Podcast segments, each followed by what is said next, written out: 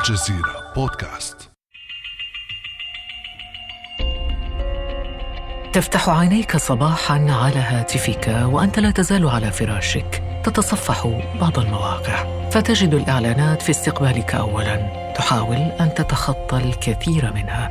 يستوقفك بعضها. كذلك وأنت في طريقك إلى العمل أو مدرستك. تصادفك يوميا لوحات إعلانات ضخمة. تستغرق نهارك في العمل ومتطلبات الحياة وبين خطوة وأخرى. تجد دوما عروض الإعلانات أمامك. ولا ينتهي يومك وأنت تشاهد برامجك المفضلة أو أفلامك المفضلة على الشاشة إلا وقد تخللتها فواصل كثيره من الإعلانات. هكذا صارت حياتنا اليومية تحت القصف المتواصل للإعلانات. فكيف نشأت وتطورت صناعة الإعلانات؟ وما دورها في تكريس وسيادة نموذج الحياة الاستهلاكية؟ وكيف تؤثر على وعي وسلوك الإنسان المستهلك؟ وهل يمكن الفكاك من فخاخ الإعلانات؟ بعد أمس من الجزيرة بودكاست أنا خديجة بن جنة.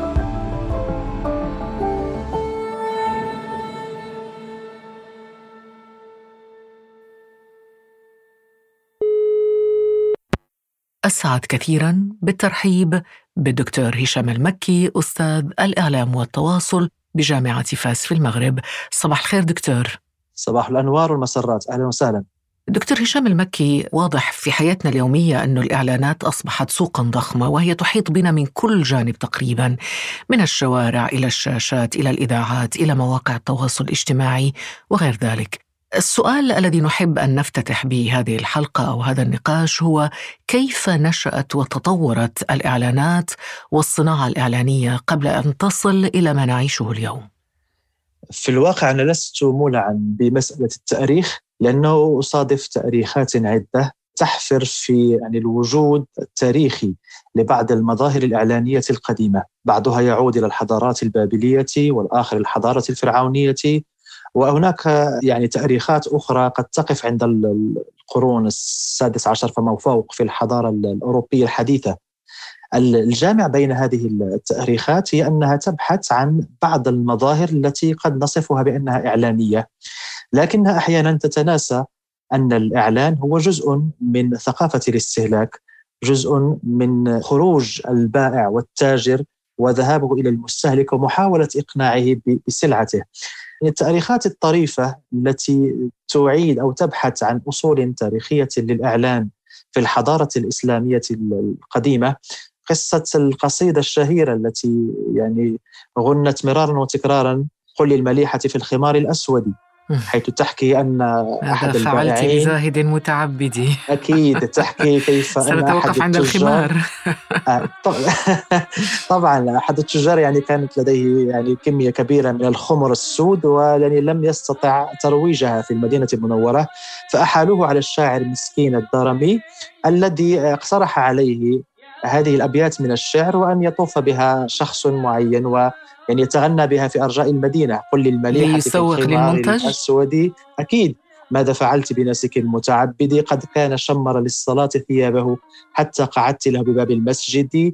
ردي عليه صلاته وصيامه. لا تقتليه بحق دين محمد. فيحكى أنه يعني بعد انتشار هذه الأبيات الشعرية أقبلت الفتيات والنسوة على اقتناء الخمار الأسود لأنها أصبحت ترمز إلى الجمال الفتان الذي يفتك حتى الناسكين والمتعبدين فيؤرخ بعضهم بأنه يعني حتى لكن لكن هنا لكن هنا نعم. الشاعر كان هو المسوق نعم. أو آلة التسويق يعني تمر عبر الشعراء في مثل هذه الأمثلة لأنه غص بنا في التاريخ دكتور هشام المكي لكن لم يكن نعم. هناك الإعلام الرقمي اليوم مع السوشيال ميديا والإعلام الرقمي ويعني اختلف الموضوع أليس كذلك؟ أكيد يعني أنت الآن توافقين الرأي حينما أقول أن هذه التأريخات لست مولعا بها لأنه التأريخ في نظري ينبغي أن يبحث عن الإعلان في كليته بحيث حينما الآن إذا أردنا أن نكون أكثر دقة مثلا نتحدث عن بعد الحرب العالمية الثانية لأنه الآلة الإعلامية تطورت بشكل كبير في فترة الحربين العالميتين خصوصا في الولايات المتحدة الأمريكية وفي إنجلترا وكانت موجهة للدعاية السياسية أساسا ولتشجيع الناس على الانخراط في الحرب وأيضا دعاية سلبية موجهة للأعداء، لكن بعد نهاية الحرب العالمية الثانية أصبح كل هذا التراكم وهذه الخبرة الآن أصبحت متاحة ووجهت تحديدا إلى مجال الدعاية الإشهارية. لكن من التأريخات يعني في الحقيقة التي أعتبر أنها دقيقة تاريخ جيلي بوفيتسكي الذي ربط الدعاية والإعلان بتطور مجتمع الاستهلاك. فما قبل سنوات 1880 ميلادية في أوروبا في الغرب عموما كنا نتحدث عن الزبون. الزبون ذلك الشخص الذي يشتري منتجا حينما يحتاج إليه. لكن ما بعد 1880 ظهرت العلامة التجارية الحديثة ظهر الإشهار ظهر التعليم الذي يعطي هوية للمنتج. طبعا استثمر آه، اختراعات آلة الطباعة وغيرها وأصبحنا نتحدث عن رأس مالية الاستهلاك أصبحنا نتحدث فعليا عن إعلان حقيقي نوعي. ما بعد الخمسينيات القرن الماضي أو الثلاثينيات في السياق الأمريكي أصبحنا نتحدث عن مرحلة أخرى اللي هي مرحلة الاستهلاك المفرط. ربما نعود إليها في نقاشنا حيث يعني مرينا من الزبون إلى المستهلك المفرط. لا من الزبون إلى المستهلك إلى المستهلك المفرط. لكن دكتور ربما هذا المستهلك أو هذا الزبون الذي كان يشتري متاثرا ببيت شعر مثل المثال الذي ذكرته قبل قليل قل للمليحة في الخمار الأسود ربما التي تشتري الخمار الأسود اليوم لن تتأثر ببيت شعر ولكن ستتأثر بصورة بفيديو بما يعرض في السوشيال ميديا. ما الذي اختلف اليوم عن السابق؟ الاختلاف الأساسي اليوم في الصناعة الإعلانية عن السابق هو أن الإعلانات أصبحت فردية بشكل أكبر أصبحت مصممة على ذوقي واختياراتي وطريقة تفكير المستهلك من خلال العالم الرقمي. العالم الرقمي طبعا يتيح تعرف احتياجات المستهلك وأذواقه من خلال سلوكه على الإنترنت، بالتالي أصبحت الإعلانات داخل السوشيال ميديا مصممة بالضبط على المقاس، بطبيعة الحال ستكون أكثر تاثيرا من هذه الإعلانات العامة الموجهه إلى الجميع. لكن الملاحظ أنه صناعة الإعلانات يعني لا تزال في نمو مستمر وتعافت يعني من جائحة كورونا خصوصا خلال السنتين الأخيرتين وعادت الإعلانات الرقمية لتأخذ نصيب الأسد وتزداد نموا هل هذا يعني برأيك دكتور هشام المكي أنه صناعة الإعلانات سوف تزداد ازدهارا خصوصا في العالم الرقمي؟ طبعا هو لكن قبل أن يعني أجيب بدقة يعني أن نكون حذرين في النظر إلى الأرقام يعني معظم الأرقام والإحصاءات من وكالات يعني ذات شهرة وذات مصداقية دولية يعني تراوح نمو الصناعات الإعلانية ما بين 20 حوالي في متوسط 20% طبعا هذه أرقام مهمة جدا. يعني 20% يعني كم؟ يعني مقارنة بالسنة الماضية لكن دكتور هشام دعني هنا أذكر بعض الأرقام وهي كبيرة جدا أنه صناعة الإعلانات خلال السنة الماضية 2021 بلغت خلال عام واحد ما بين 678 إلى 766 مليار دولار يعني لما نقول 766 مليار دولار يعني صعب نعم. أنه الواحد ينطقها وهناك تقديرات بأن يبلغ تريليون دولار بحلول عام 2025 أنت ما هي قراءتك في هذه الأرقام؟ طبعا أنا يعني هذه الأرقام ستزيد يعني ارتفاعا بلا شك. فقط أنا كنت أريد أن أنبه لأنه عشنا ظرفية خاصة مع مع وباء كورونا.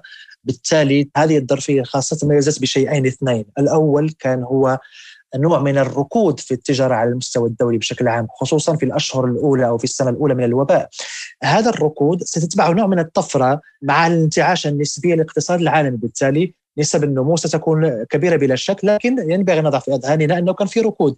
المسألة الثانية أنه مع الوباء يعني ساهم هذا الوباء في انتشار الرقمي بين الناس. تعرفون أنه في بدايات الحجر الصحي عبر العالم يعني الجميع أصبح يتوجه إلى الإنترنت سواء لتسجيه الوقت للتواصل مع العائلة.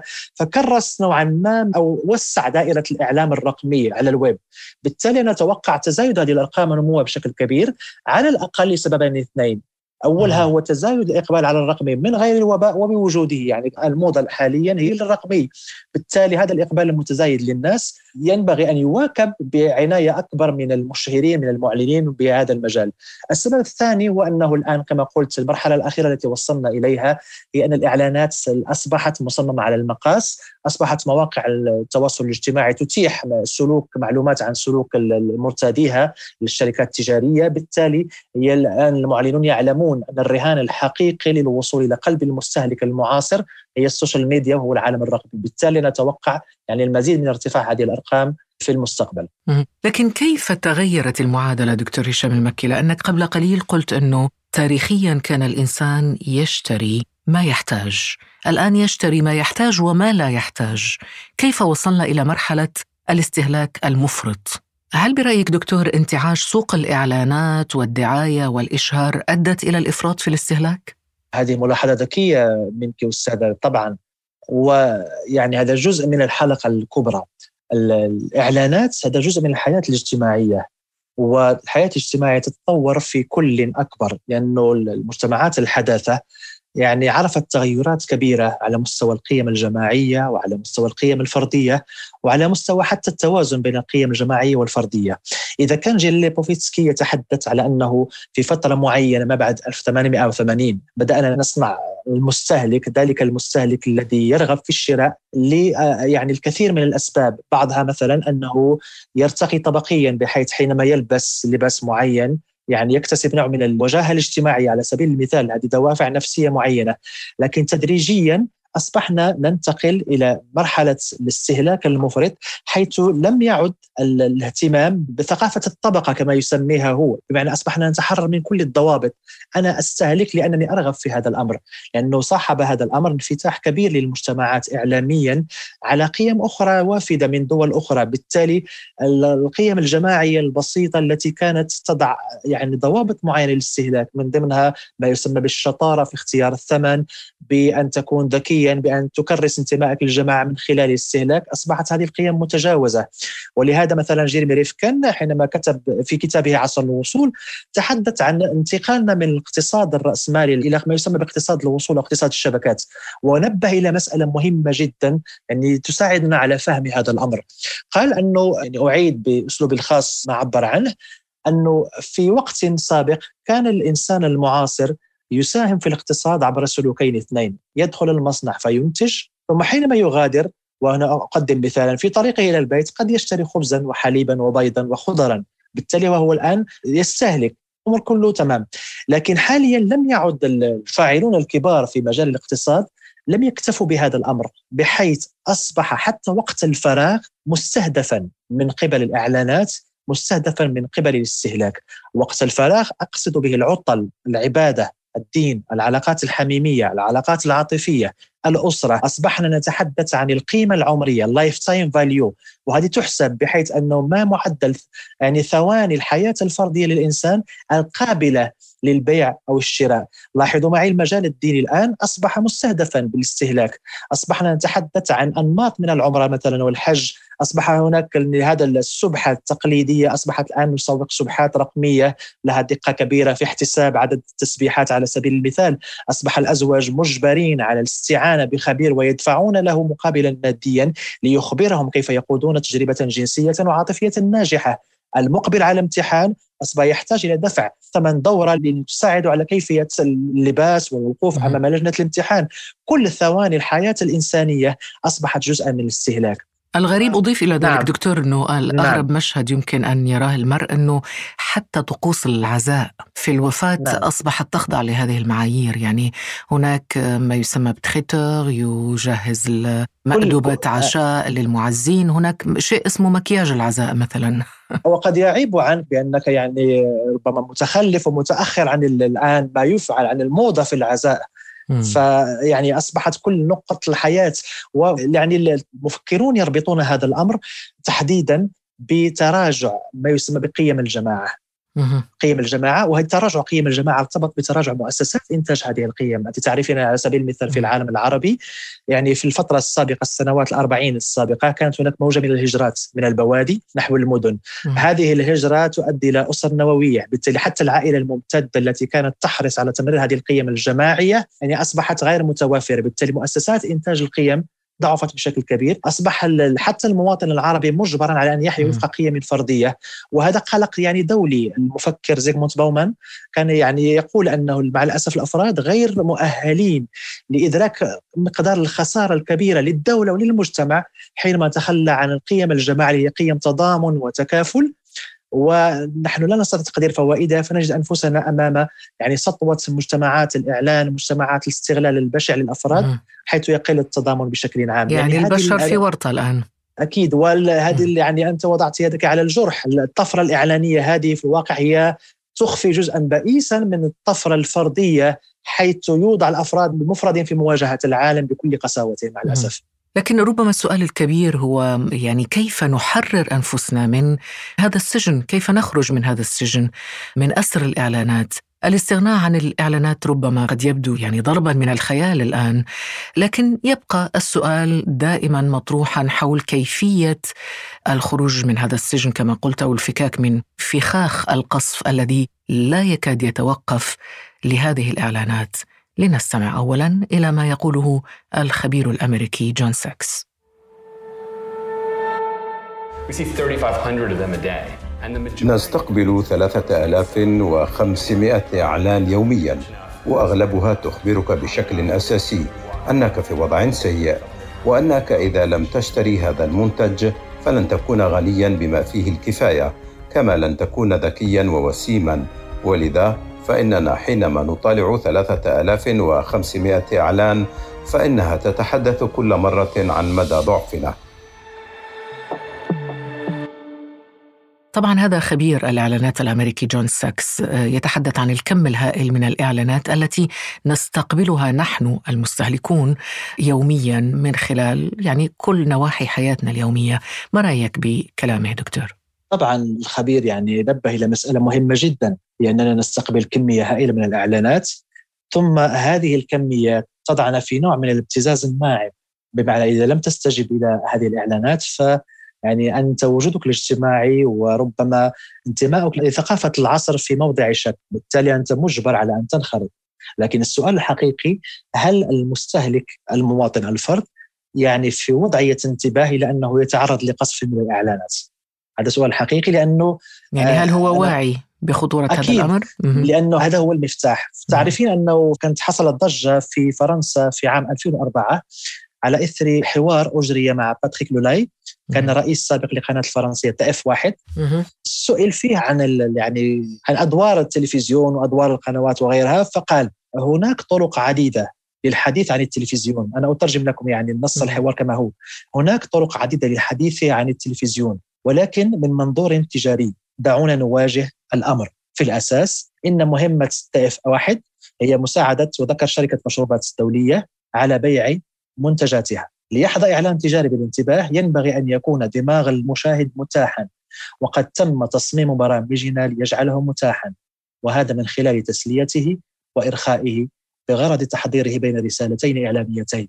ما نبيعه لشركة المشروبات هو وقت الدماغ البشري المتاح. تخيلوا معي خطورة هذا الأمر. هذا تصريح يعني وأنا لا أريد أن أطيل على المستمعين لأنه حدثت ضجه وما إلى ذلك، لكن هذه الوظيفة الأساسية. هو يقول أننا نبيع الوقت المتاح من الدماغ البشري للشركات الإعلانية، بالتالي وظيفة القناة التلفزيونية هي إرخاء وقد يكون هذا مقصود طبعا. معلش هذه نعم. مهمة لأنها تتقاطع أيضا مع الكلام الذي يقوله المفكر الأمريكي نعوم تشومسكي دعنا نعم. نستمع إليه لأنه يصب في نفس المغزى طيب نستمع ونعود نشرح هذه نعم بالضبط بالضبط لنستمع معا I mean, it, it's part of a much bigger industry. It's just, advertising is part of the public relations industry, which is a huge industry. And it developed uh, very consciously around the First World War uh, in the two most democratic countries, uh, the United England and the United States. It. الإعلان هو جزء من صناعة العلاقات العامة وهي صناعة ضخمة تطورت خلال الحرب العالمية الأولى في أكثر دولتين ديمقراطيتين إنجلترا والولايات المتحدة. وهناك سبب وجيه لذلك. أصبحت البلدان أكثر حرية من خلال النضال الشعبي ولم يعد بالإمكان إسكات أصوات الناس. وأصبح من الواضح أن التحكم في الناس يكون من خلال التحكم في آرائهم ومواقفهم. إذ لا يمكن الاعتماد على القوة لتحقيق ذلك. وحينها أصبحت الإدارة العلمية للعمل تمثل مشكلة كبيرة. وأنه لا ينبغي التحكم بالناس في أوقات عملهم فقط وإنما في أوقات فراغهم وتطويعهم كمستهلكين بشكل سلبي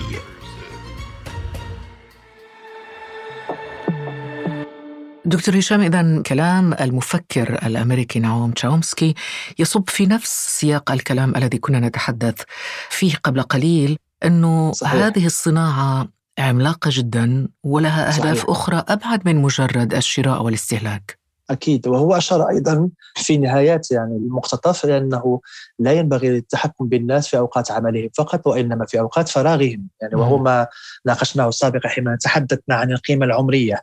أنا أقول المدخل الأساسي للمستهلك للفرد عموما سواء في المجال الرقمي أو في مجال الإعلام التلفزيوني أو في كل يعني الأشكال الإعلامية هو أن يفهم هذه الجملة البسيطة من باتريك لولاي هذا الاعتراف. ما نبيعه للشركة ووقت الدماغ البشري المتاح. بمعنى أنه حينما تتوهم أنك بمصادة مشاهدة مثلا المسلسل التلفزيوني المفضل لديك ففي الواقع هذا في ذهنك أنت. لكن بالنسبة للشركة التلفزيونية الأساس هو الفقرات الإعلانية. وما بينها الغرض منه هو أن يضعك في وضعية استرخاء. بحيث تعطل لديك التفكير النقدي تكون في نوع من الإلهاء الذهني في قابلية للاستهلاك دون تفكير. هذا هو الأساس. تسلم عقلك. أكيد وهذا هو المطلوب يعني حتى في مواقع التواصل الاجتماعي على الإنترنت في كل التكنولوجيا الإعلام والاتصال المعاصره الآن. إذا أدركنا أننا يعني نتعرض ونحن نستهلك إلى عملية تغرير إلى عملية إغراء عفوا. فأكيد هذا سيكون المدخل لنوع من وعي الافراد بما يتعرضون له وإلى محاولة المقاومة لما لا. طبعا نعم. هذا لا يلغي أن الإعلانات قد تكون مفيدة. إذا كان الإنسان له القدرة على التفكير النقدي الواعي لأنها تساعده على المقاربه بين المنتجات على تعرف خصائصها على اكتشاف مواد جديدة ومنتجات جديدة لما لا؟ لكن أنا أعتقد أن الحرب غير عادلة ومعذره على الصفه بالحرب لأننا تجد فرد يعني بسيط التعليم لديه مستوى ثقافي جيد فهو ربما غير مكون في المجال الاعلامي مقابل آلة دعائية ضخمة.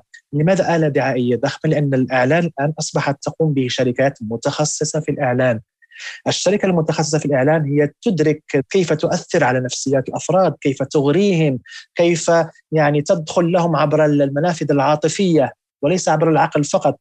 ولهذا اصبحنا نتحدث عن حرب غير عادلة. بالتالي أنا أعتبر أنه الأفراد كيف ننمي الوعي؟ على الأفراد مسؤولية لكن كيف ننمي الوعي لدى الناس للتعامل مع كل هذا؟ آه، نتحدث عن الناس أو نتحدث عن الفئة الأكثر هشاشة مثلا الأطفال أو المراهقون مثلا. نعم. قد نجمع بينهما معا. دعني أقول لك امرا اساسيا. سأتحدث عن هو الجميع أصبح هش بصراحة بما فيهم نحن. هذا هو الإشكال لأنه أنا حينما أقوم أحيانا ببعض الدورات التكوينية في مجال التربية الإعلامية والرقمية فأنا أقول أنه من الأخطاء الكبرى هي مسلمة أن الذين يتعرضون لأضرار تكنولوجيا الاعلام والاتصال هم الأطفال والمراهقون بالعكس أصبح الجميع الآن خاضعا لهذه الغواية صحيح. الخطيرة جدا. نعم. الأمر مركب. نحتاج إلى تربية إعلامية رقمية في مناهجنا التعليمية لأن العالم العربي متأخر جدا في هذا المجال. يعني هناك دول يعني أصبحت منذ سنوات منذ نهاية الثمانينيات القرن الماضي كانت التربية الإعلامية مدرجة في المقررات الدراسية. ولهذا الآن أصبحنا يعني معرضين جميعا لهذه الاضرار وليس هناك وعي رقمي في المقابل. إذا كنت أريد أن أقول مثلا أن هناك برامج مفيدة طيب ما الذي ينبه المستهلك لهذه البرامج المفيدة؟ هل تستطيع هذه البرامج المفيدة أن تنافس الآن يعني هذا الزخم الكبير على مواقع التواصل الاجتماعي للهو للترفيه لغيره؟ ففي الواقع يبدو لي الأمر يعني مخيفا إلى حد ما. أنا ما زلت صحيح. يعني أؤمن بضرورة اعتماد التربيه الرقمية ما زلت أؤمن بضرورة المجتمع المدني المجتمع الأهلي لأنه هو الذي نعول عليه طيب يعني المجتمع المدني نعم. طبعا يلعب دور ومؤسسات المجتمع نعم. المدني نعم. طبعا عليها دور في هذا المضمار لكن لو طلبت منك دكتور هشام المكي نعم. أن توجه نعم. نصائح للمستمعين في هذا السياق ماذا يمكن أن تقول؟ أقول أول شيء منطق حياة سليم وتربية سليمة أساسيان قبل أن نستطيع المرور إلى تربية إعلامية أو تربية إعلانية الآن بين مزدوجتين لأنه حينما قلت نمط حياة سليم نمط حياه عقلاني يعني الحمد لله في المجتمعات العربية والله بكل صدق يعني أنا زرت العديد من البلدان أقول نمط التغذية نمط الحياة التقليدي فيه الكثير من الفوائد الصحية والذهنية الملائمة جدا. يعني نمط الحياة العادية ما هو؟ يعني آه. الغذاء والرياضة والواجبات العائلية و الوجبات العائلية نمط التغذية لدينا هذه الخضروات والقطاني على امتداد السنة وتنوعها مفيدة جدا. تخيل الآن كما يسمى هيزيك باومان بالطرق الملتوية اللي ما بعد الحداثة لتلبية الحاجات. يعني أصبحنا فتحنا على مجال التغذية السريعة ثم نعود الآن عن طريق يعني المكملات الغذائية والنصائح الطبية لكن ما علاقتها ما علاقتها بالإعلان؟ أقول لك يعني من الأصل نحن نمتلك حياة يعني إلى حد كبير الأقرب إلى الصحة نعم. ولهذا أنا أقول أن القوة في مقاومة الإعلان هي نوع من البساطة الواعيه جميل. البساطة الواعية حينما أقول واعية يعني عدم الافتتان بالإعلام مه. فهذه مسألة مهمة إذا أردنا أن نكون ربما نخرج من سطوة الإعلام نحاول أن نرتب حياتنا وفق قناعات مه. حقيقية باننا نملك أشياء ثمينة جدا السعادة أين توجد السعادة؟ هذه مسألة مهمة، مع الأسف استطاعت الشركات طب أين توجد السعادة دكتور؟ أكيد استطاعت الشركات الإعلانية أن تربط السعادة بالامتلاك وهذه مسألة خطيرة جدا. اذا برأيك دكتور هشام مكي هناك فرق بين السعادة والمتعة؟ أكيد لأنه أصبح الجميع يبحث عن سعادته فيما لا يمكنه تقديم السعادة. أصبحنا نبحث عن السعادة في الاستهلاك. لكن السعادة الحقيقية السعادة الهادئة التي تستمر لمدة أطول وليس المتعة اللحظية توجد في الحضور الجماعي في العاطفه اذا الاستهلاك المشترك نعم في الاستهلاك يجلب المتعة وليس السعادة برأيك. المتعة اللحظية مثل قطعة الشوكولا مثلا. يعني بمجرد ما تختفي من فمك تختفي معها المتعة وأنت تست... انت تحتاج إلى إعادة قدم قطعة أخرى. لكن السعادة الحقيقية في الجماعة في الفرح المشترك في العطاء في أشياء في العائلة في أشياء حقيقية كنا نمتلكها. لكن فتنا مع سطوه الإعلانات واصبحنا نبحث عن السعادة فيما لا يمكن أن يوفر لنا السعادة. المتعة والسعادة في هذا اللقاء وهذا النقاش الجميل معك دكتور هشام المكي أستاذ الإعلام والتواصل بجامعة فاس. سعدنا جدا بك. سعادتي أيضا كبيرة بكم. شكرا لكم. بارك الله فيك. كان هذا بعد أمس.